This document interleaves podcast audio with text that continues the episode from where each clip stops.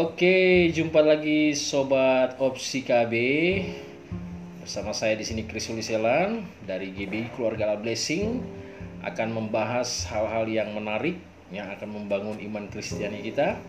Tentunya saya nggak sendiri. Hari ini saya ucapkan selamat datang kepada narasumber kita yaitu Ibu Sheni Kana ya, betul Iya, ya? betul. Oke, selamat datang Bu Sheni. Apa kabar? Puji Tuhan baik. Luar biasa, baik ya. Oke, Bu Sheni ini adalah seorang eh, hamba Tuhan. Sepenuh waktu Bu Sheni benar? Betul. Ya. Sehari-hari kegiatannya pasti di Di gereja. kantor gereja ya. Nah, selain itu Bu Sheni ini juga eh, melayani di bidang pastoral salah satunya di Konseling pranika. pranika. Makanya kita hari ini kita mau bahas tentang eh, keluarga Kristen Bu Sheni ya. Iya. Jadi Bu Sheni udah berkeluarga kan? Udah. Jangan sampai belum. Udah, udah, udah. anak dua, anak dua. Oh anak dua suami? Suami satu. Oke jangan kebalik Bu Oh. Oke just kidding Bu. Ya udah ini kita akan bahas tentang keluarga Kristen. Buat teman-teman stay tune terus di KB eh, apa opsi KB. Jangan ke mana-mana. Belajar atau melatih diri untuk mendengar sampai selesai. Oke. Eh, hari ini kita akan baca tentang eh, bukan baca sih bahas tentang keluarga Kristen mulai dari fase pacaran Bu Seni sampai kepada jenjang pernikahan. Nah, namanya seorang Bu Sheni ini kan pasti sudah mengalami yang namanya sudah melewati semua itu kan fase pacaran, habis itu masuk ke pernikahan sampai punya anak ya kan. Nah, mungkin Bu Sheni bisa cerita buat kita sedikit tentang pengalaman bagaimana Bu Sheni mulai dari pacaran sampai ke pernikahan. Panjang ya. Oh panjang Disingkat banget aja. disingkatkan aja ya dalam tempo yang sesingkat-singkatnya. Oke Bu Sheni. Oke. Kalau waktu pacaran, Mhm. eh, saya awal waktu SMA mungkin ya cinta monyet. Wah, itu, nggak melibatkan monyet kan? Namanya aja cinta iya monyet. iya iya. iya. Cuman saya sejak SMA itu eh, tetap nggak mau pilih pasangan yang tidak seiman. Oke. Nggak mau milih pasangan yang tidak seiman terus. Iya, nggak mau memilih pasangan yang tidak seiman. Itu prinsip saya. Oke. Tetapi namanya manusia, Hmm.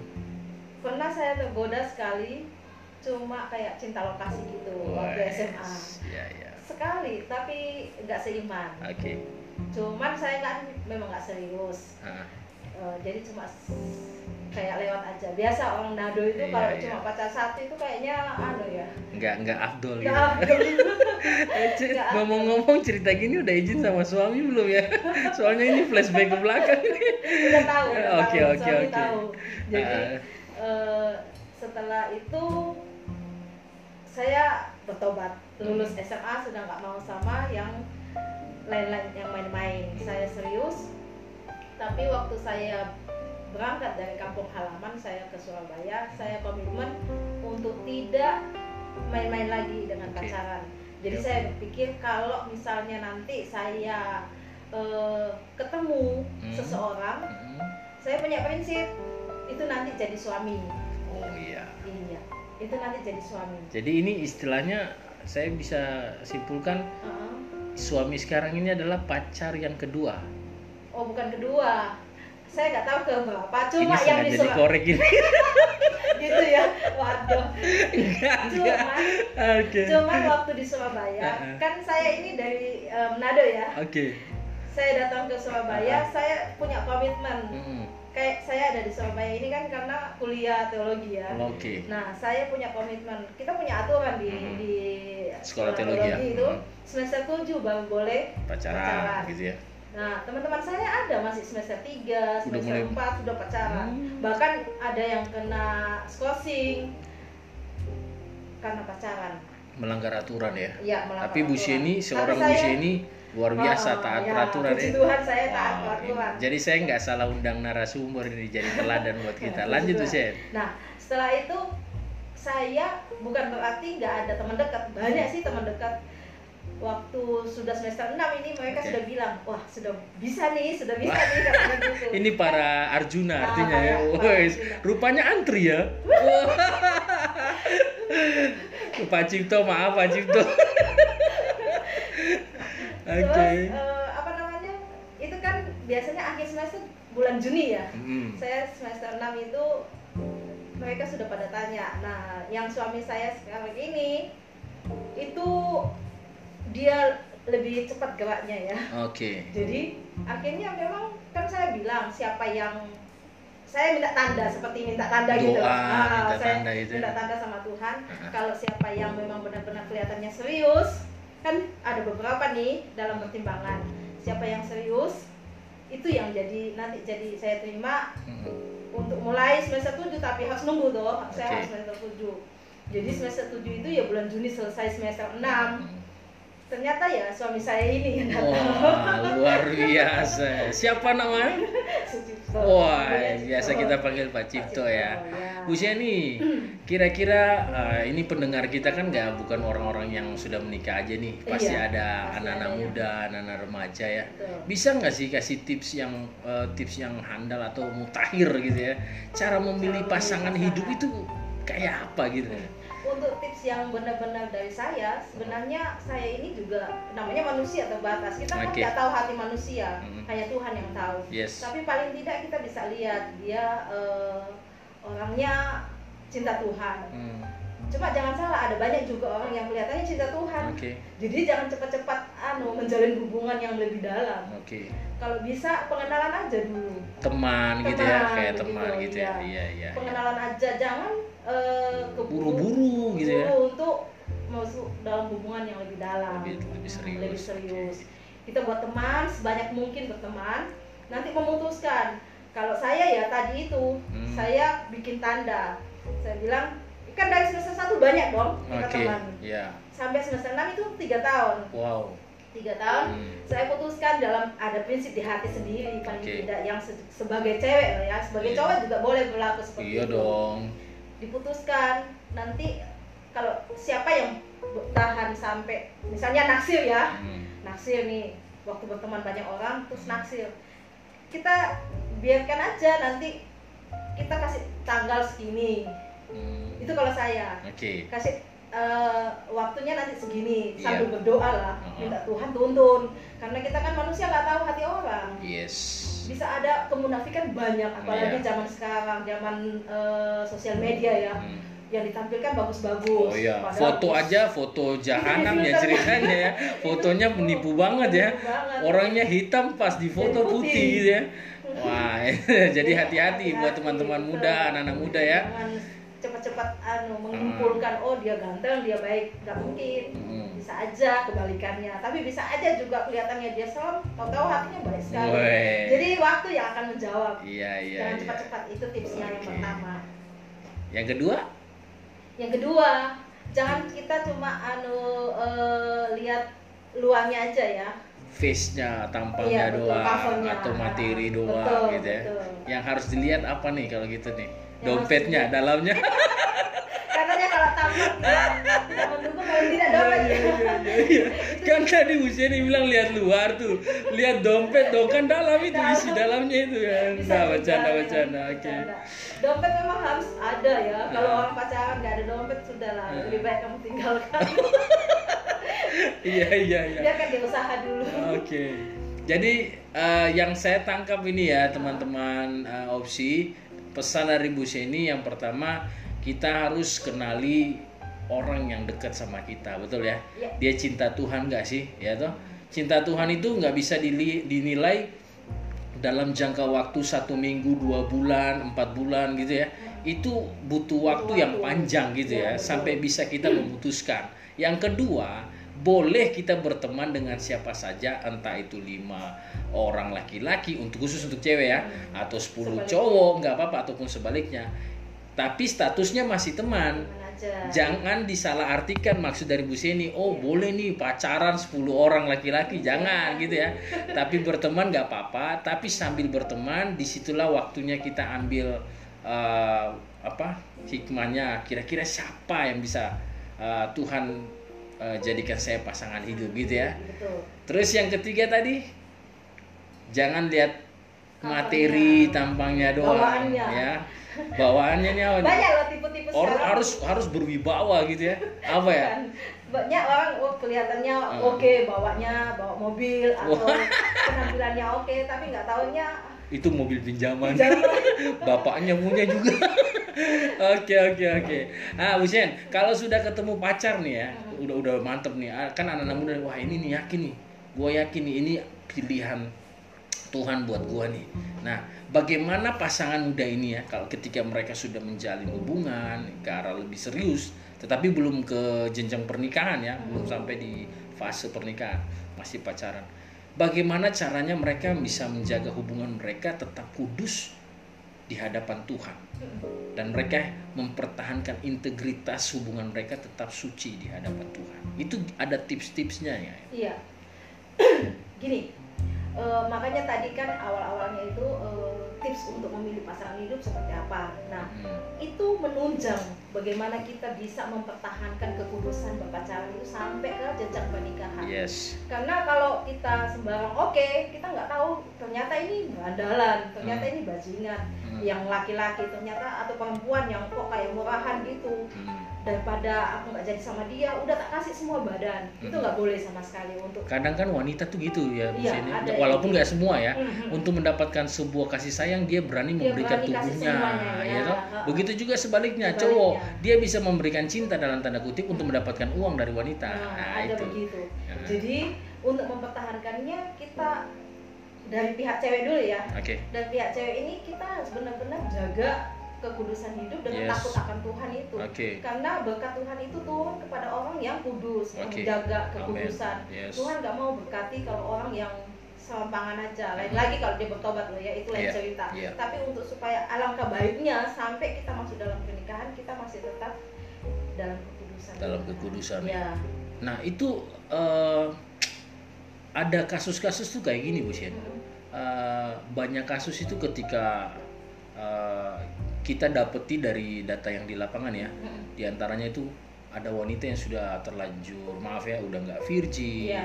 hamil di luar nikah ya. Apalagi ada nih yang paling banyak saat ini data yang kita dapat eh, hubungan pacaran ini beda beda agama. Oh, beda agama. nah ya. ini loh beda agama ini ini wah wah ini udah cinta banget ini. Tapi karena agama yang harus memisahkan ini ini gimana Bu Isyen ini? Kasus-kasus seperti ini gimana sih? Kita mulai dari eh, yang nggak virgin dulu deh. Kan ada tuh cowok tuh ah lu udah nggak virgin ternyata. Nggak mau ah. Nah gitu gimana tuh? Eh, ya udah kalau dia memang nggak mau karena nggak Hmm. virgin dari orang lain Hmm, itu masih nggak apa-apa. Tapi kalau dia nggak mau karena nggak virgin dari dianya hmm, maksudnya dianya yang bikin cewek ini nggak virgin hmm. itu memangnya nggak apa-apa sih? Dia nggak mau ya sudah. Menurut saya yang cewek ini Harus lebih kuat baik uh, uh, lebih baik dia bertahan dengan tidak bersama-sama dengan laki-laki seperti ini Iya, iya. daripada dia masuk dalam pernikahan dipaksakan dipaksakan Uh, uh, tapi hasilnya kacau nanti neraka Tetap dia bumi. mas- ah, neraka di bumi jadi Iya. dia akhirnya akan direndahkan serendah-rendahnya iya Hmm. gitu sebaliknya kalau memang pokoknya segala sesuatu kalau dipaksakan itu nggak baik Nah, ada tips nggak buat orang tua nih untuk anak-anaknya yang punya pasangan nggak eh, seimbang nggak seiman gitu itu gimana kira-kira Bu Sien? Eh, kalau menurut saya sih harusnya kita sebagai orang tua saya Oke. memposisikan sebagai orang tua Hmm. misalnya sebagai orang tua kita eh, sedapat mungkin untuk kita membackup anak kita Mm-mm. dengan nasihat firman Tuhan bilang kan Ya. waktu duduk waktu berdiri waktu tidur Yap. waktu di mana aja kita ngulang aja Ya. eh, kasih nasihat dia Oke. Sema- semampu kita selebihnya kita serahkan sama Tuhan Yap. tapi ada aja kasusnya yang terjadi loh Mm. kejadian jatuh eh, akhirnya anak itu pergi menikah dengan yang tidak seiman Ya. cuma kita sebagai orang tua ini ya tetap kita bawa dalam doa aja kalau sudah terlanjur kalau belum terlanjur puji Tuhan kita tetap doa Kayak hamil di luar Usah. nikah Oh. gitu udah terlanjur kan itu berat banget loh buat Berat. orang tua. tapi mau nggak mau nggak jangan dipisahkan kalau memang dia sudah terlanjur gitu di Dirangkul, Dirangkul aja. ya tetap ya. kalau kita dilepaskan gitu malah malah tambah tambah nggak jadi-jadi tambah- tambah tambah hancur kacau gitu ya nah ini pesan buat orang tua memang nggak mudah sih nggak ya mudah tetapi ya kita kita nggak doakan anak-anak kita seperti itu Jangan sampai lah. saya juga punya anak Hmm. dan saya lagi di level yang namanya sebagai orang tua cemas terhadap anak remaja gitu loh anak saya udah remaja udah kuliah. Dan dia sudah mengenal seorang laki-laki Hmm. gitu loh. Saya bilang kenalkan ke papa gitu loh. Nah ini nih saya sharing agak curhat sedikit. Iya, iya. saya saya pengen kenal anak ini sejauh mana ya toh. Saya bilang sama anak saya "Eh, tuju- eh, tujuan papa kamu tuh pengennya harus kuliah selesai dulu jangan pacaran gitu loh pacaran tuh gampang setelah kamu selesai kuliah kamu kerja kamu mau pacaran nggak apa-apa. Tapi seleksi lah ya tau seperti Iya. yang tadi Bu Sheni katakan. Gitu loh. Jadi saya kasih wanti-wanti kayak gitu tapi puji Tuhan anak saya sih ya karena saya sering didik dia dari kecil dia dengarkan saya dan dia jaga itu gitu loh tentunya juga kita juga sebagai suami istri sebagai orang tua ya harus sepakat dalam mendidik Ah, anak ah, itu iya. yang paling penting Itu Bu penting. ya nggak bisa suami mau bisa. A tapi istri B. B ya toh? Ini nggak sepakat. Nanti anaknya malah bingung. Kedua dia meremehkan orang tuanya sendiri karena nggak ada kesepakatan di antara Iya, orang tua. ayahnya tegas ibunya kasih longgar lembek gitu. Si monggo monggo. Ayahnya bilang jangan gini. Ibunya bilang nggak apa-apa nggak apa-apa. Ah ini ini Iya, repot nggak bisa, ini ya kan the power of mama ini juga harus dicegat ini ya.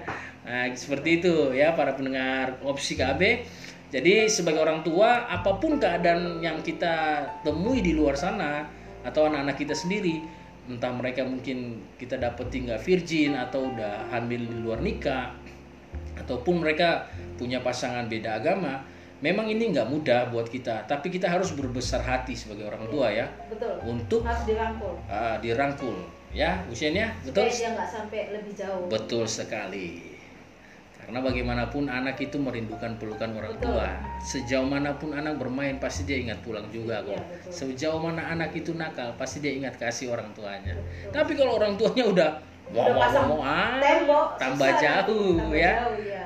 Oke, oke kita masuk ke fase pernikahan Bu Shen. Oke. Ya.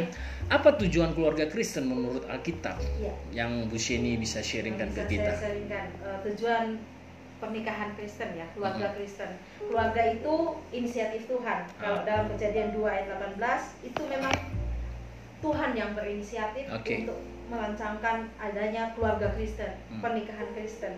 Jadi pernikahan Kristen itu untuk menyelesaikan problem pertama manusia dalam kesendirian. Oke, jadi manusia itu Tuhan merancangkan kan Adam sendiri waktu itu. Ya, terus Tuhan bilang tidak baik. Iya, manusia ini hidup sendiri.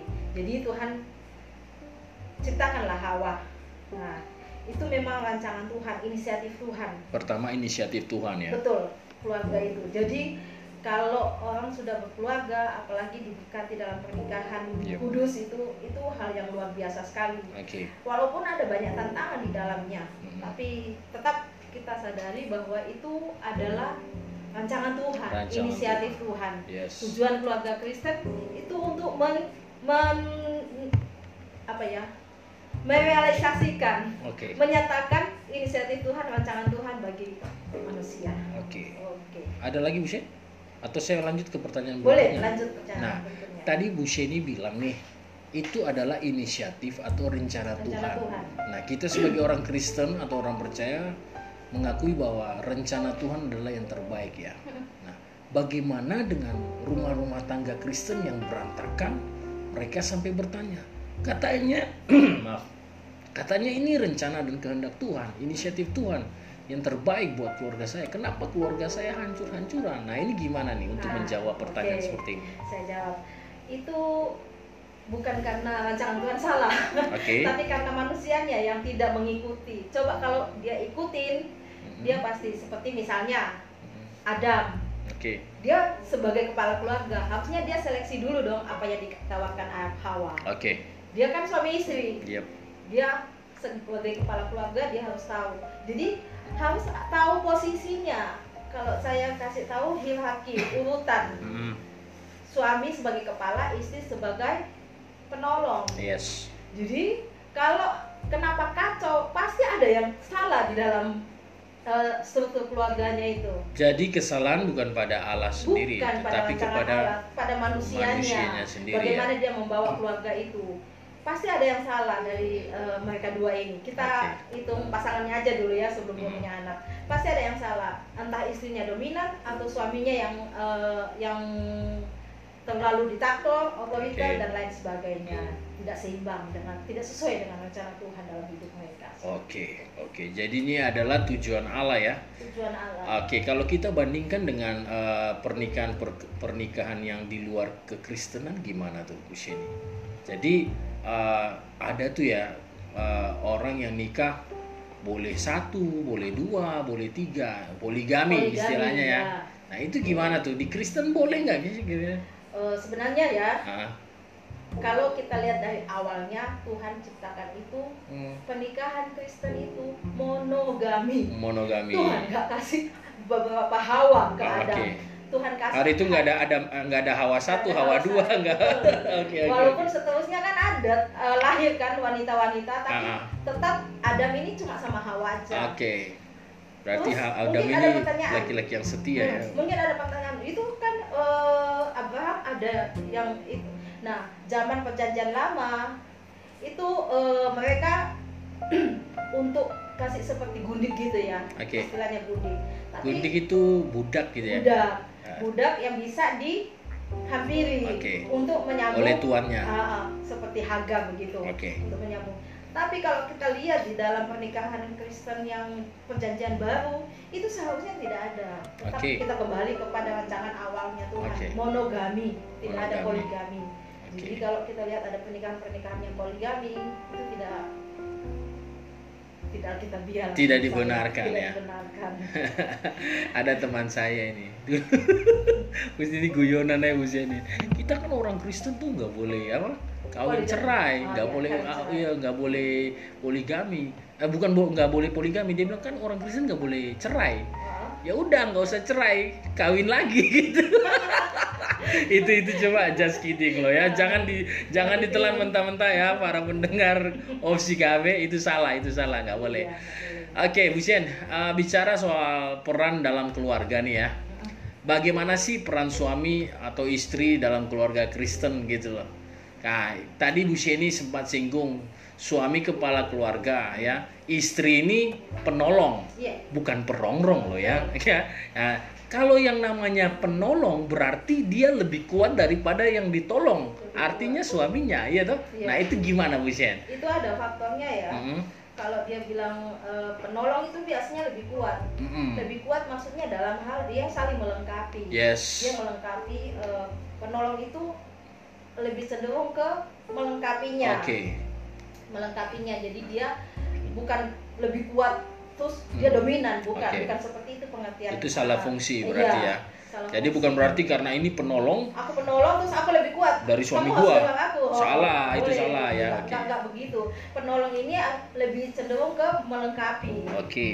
jadi eh, sebagai perannya tadi Hmm, peran suami iya. istri Ah, Nah, suami harus benar-benar berperan sebagai kepala keluarga Hmm. sebagaimana Kristus eh, sebagai kepala dari jemaat Yep. suami juga kepala dari keluarga yang dia pimpin itu Yes. nah kalau Kristus mengasihi jemaat peran suami juga mengasihi istri dan anak-anaknya Oke. Sebaliknya, istri harus tunduk kepada suaminya. Iya. Jemaat tunduk kepada Allah, istri juga seperti itu harus tunduk Yes. kepada suaminya. Iya. Saya dulu pernah ditanya begini, loh saya istri kan harus tunduk. Saya dari dulu kan senang anu tentang keluarga. Oke, bahas tentang keluarga. Iya, istri kan harus tunduk kepada suami. Kalau suaminya brengsek, gimana tunduknya? Ah, Saya bilang "Eh, itu urusannya dia dengan Tuhan. Oke. Tapi tugasmu tunduk kepada suami. Kalau suaminya nggak kerja, suaminya nggak punya penghasilan, tetap tunduk. Itu urusannya dia dengan Tuhan. Itu bukan hal yang bukan, mudah loh bukan usia untuk mudah. dilakukan Ah, ya. Benar, benar, benar. Tapi kalau sampai Tapi bisa sampai lakukan itu luar biasa Iya, ya. Benar, itu. Itu ada rewardnya sendiri dari Tuhan. Iya. Pasti dia dikasih kekuatan. Iya, pasti iya. dia dikasih kemampuan sama Tuhan. Itu sebabnya pentingnya kita minta pimpinan Roh Kudus. Hmm. Nggak bisa. Kalau saya selalu kasih nasihat ke pasangan yang mau menikah, Yep. nggak bisa kalian dua jalan tanpa Tuhan. Iya. Jadi harus ada segitiga begini. Oke. Yang suaminya sebelah sini, is- eh, suaminya sebelah sini, istri sini, di atasnya Tuhan. Iya. Kalian tiga harus ada komunikasi yang baik, Yes. suami istri dan Tuhan. Hmm. Kalau tidak libatkan Tuhan, nggak mungkin bisa. Oke. Karena maunya Tuhan seperti apa, kalian nggak tahu Hmm. dan pasti akan kacau. Yes, yes, yes, yes. Keluarga hamba Tuhan aja banyak yang kacau. Banyak yang Padahal ya. kalau dipikir sudah dekat dengan Tuhan, tapi Hmm. saya pertanyakan itu Gitu. proses, Hmm. tapi bisa juga itu dia sudah nggak dekat dengan Tuhan. Oke, oke. Jadi masing-masing anggota keluarga ada peranannya Ada perannya sendiri, masing-masing. ya. Jadi yang penting sadar diri, Betul. betul oh ini porsi saya tahu fungsinya masing-masing ya ini porsi suami saya ini porsi istri saya gitu ya jangan saling melangkah gitu ya boleh justru tadi yang saya bilang itu eh, istri sebagai penolong bukan berarti dia harus merongrong suami. Bukan. dia ber- lebih berkuasa dari suami salah ya. Nah ini kan salah tafsir nih karena dia dibilang penolong dia merasa lebih kuat dari suami.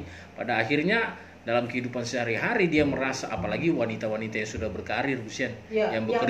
penghasilannya lebih besar nah biasanya penghasilan lebih lebih gede dari ya. ah itu ya. Itu eh, siapa lu? Gua aja gajinya lebih besar dari lu ya. Lu makan aja hari-hari dari gua Iya. gitu kan? Nah itu nggak boleh ya toh. Justru istri diposisikan Tuhan sebagai penolong. Ini kesimpulan yang saya ambil Busian ya.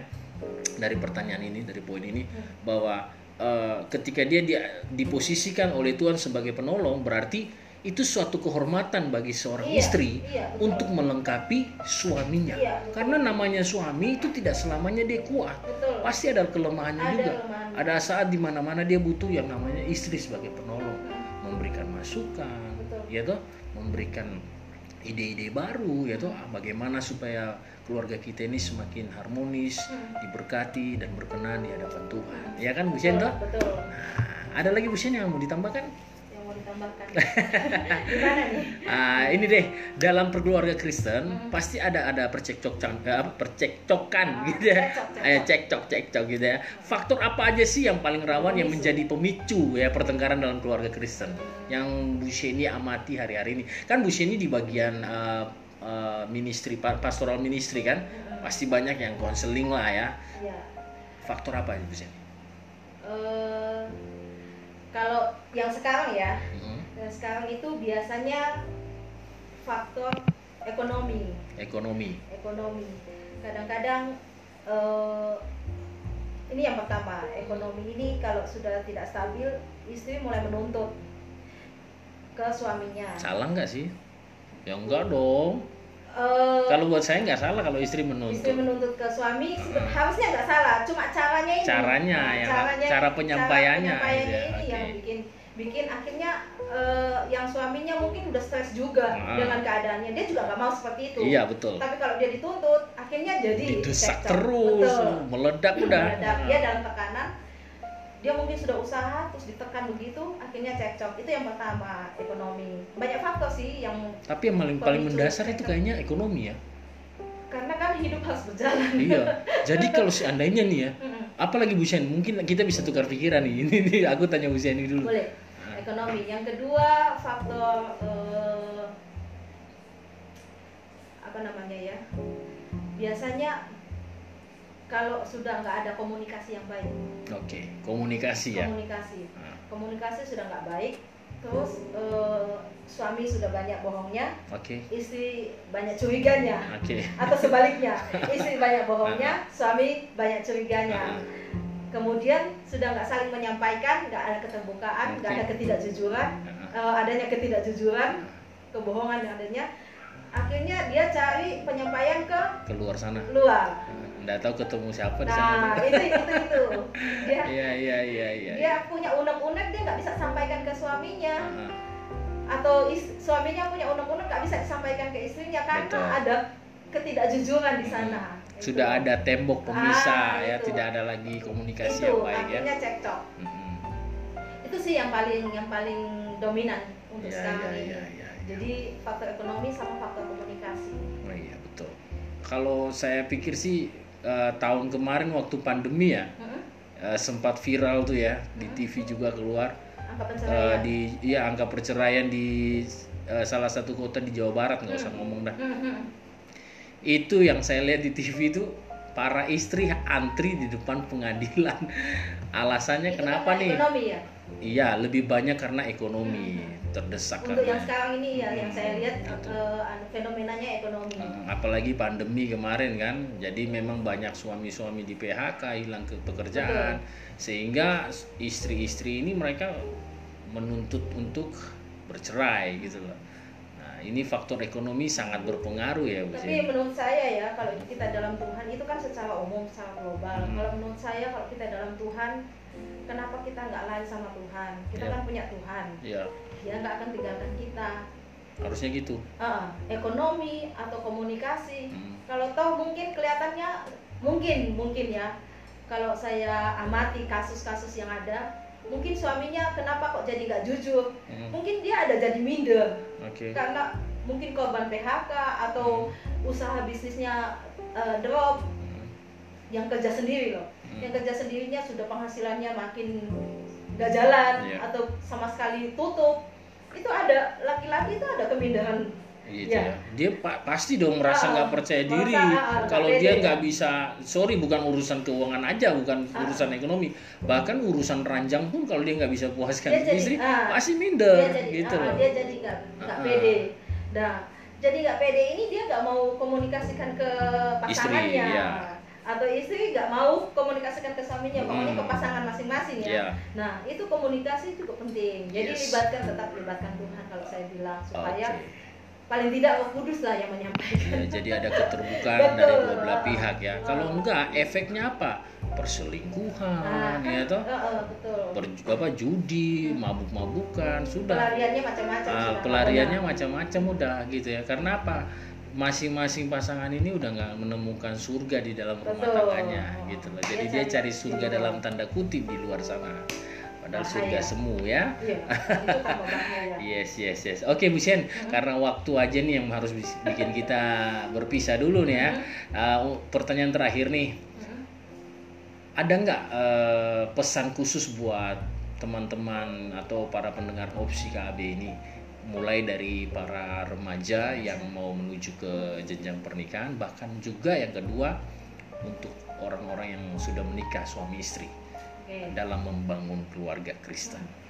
baik untuk yang masih anak remaja atau anak muda yang belum menikah saya pesan tetaplah eh, hidup dekat dengan Tuhan Yes. karena kalau kita mau pilih-pilih saya pernah dengar orang bilang begini silakan dipilih dipilih pilih sendiri maksudnya dipilih ini bukan pilih orang loh bukan Ah. pilih jodoh pilih entah baju entah apalah yang kita Ah. pilih terus dia bilang begini harus dipilih sendiri karena jodoh anu, suami atau istri aja dipilih sendiri bisa salah katanya. Nah, untuk memilih itu memang agak susah. Yep. Kan kita nggak bisa lihat hati. Jadi Hmm. pesan saya tetap libatkan Tuhan Yes. dalam pemilihan pasangan hidup karena ini menikah seumur hidup bukan Ah. seumur jagung Iya. seumur hidup bukan dicoba-coba tetapi serahkanlah semuanya sama Tuhan karena Tuhan yang tahu hati kenapa kok harus serahkan sama Tuhan karena Tuhan yang tahu hati Iya. Itu. Selain selain kita serahkan ke Tuhan, kita boleh dong observasi Oh ya. boleh, seleksi itu, itu harus gitu ya. itu, ya.